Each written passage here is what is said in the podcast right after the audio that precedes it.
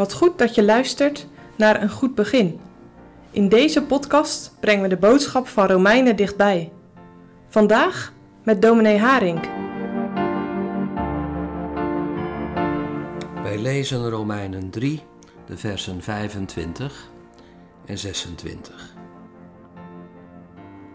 Welke God voorgesteld heeft tot een verzoening, door het geloof in zijn bloed tot een betoning van zijn rechtvaardigheid, door de vergeving der zonden, die tevoren geschied zijn onder de verdraagzaamheid Gods, tot een betoning van zijn rechtvaardigheid in deze tegenwoordige tijd, opdat hij rechtvaardig zij en rechtvaardigende degene die uit het geloof van Jezus is verzoening door het geloof in zijn bloed.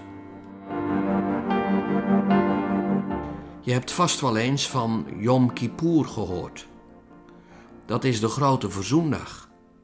Op die dag ging in oude tijden onder Israël de hoge priester het heilige der heiligen van de tempel binnen. Hij sprenkelde het bloed van het offerdier op het deksel van de ark. Hij deed dat zeven keer.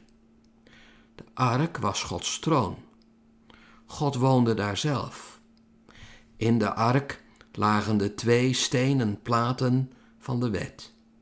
God troonde, als het ware, bovenop de wet.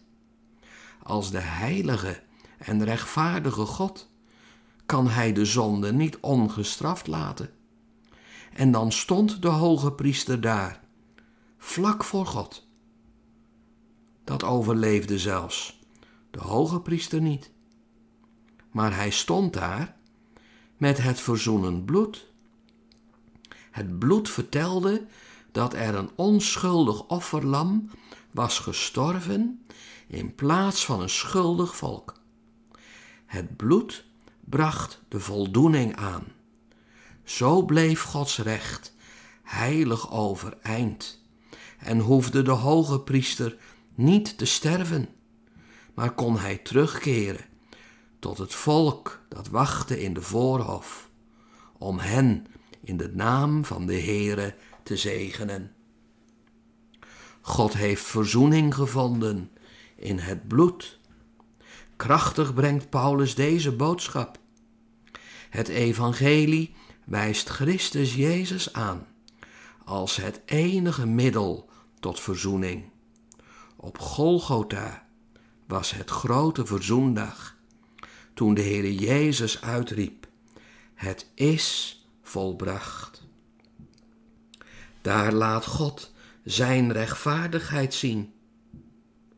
Aangezien de toorn van God tegen de zonde zo groot is, dat hij die eer hij ze ongestraft liet blijven, aan zijn lieve Zoon, Jezus Christus, met de bittere en de smadelijke dood des kruises gestraft heeft.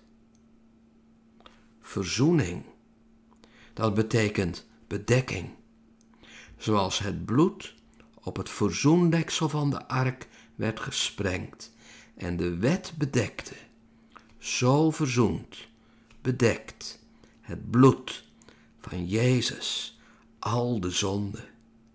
Paulus zegt, dat was een waarheid voor de gelovigen onder het Oude Testament. En dat is ook waar in deze tijd. En het blijft waar. Verzoening door het bloed van de Heer Jezus Christus. Dit is verzoening door voldoening. Christus Jezus heeft zijn bloed, dat is zijn leven, moeten geven. Het is geen goedkope verzoening, het is duur betaald. Dit wordt ons voorgesteld in het Evangelie. Ook vandaag roept dit Evangelie je toe. Laat je met God verschungen.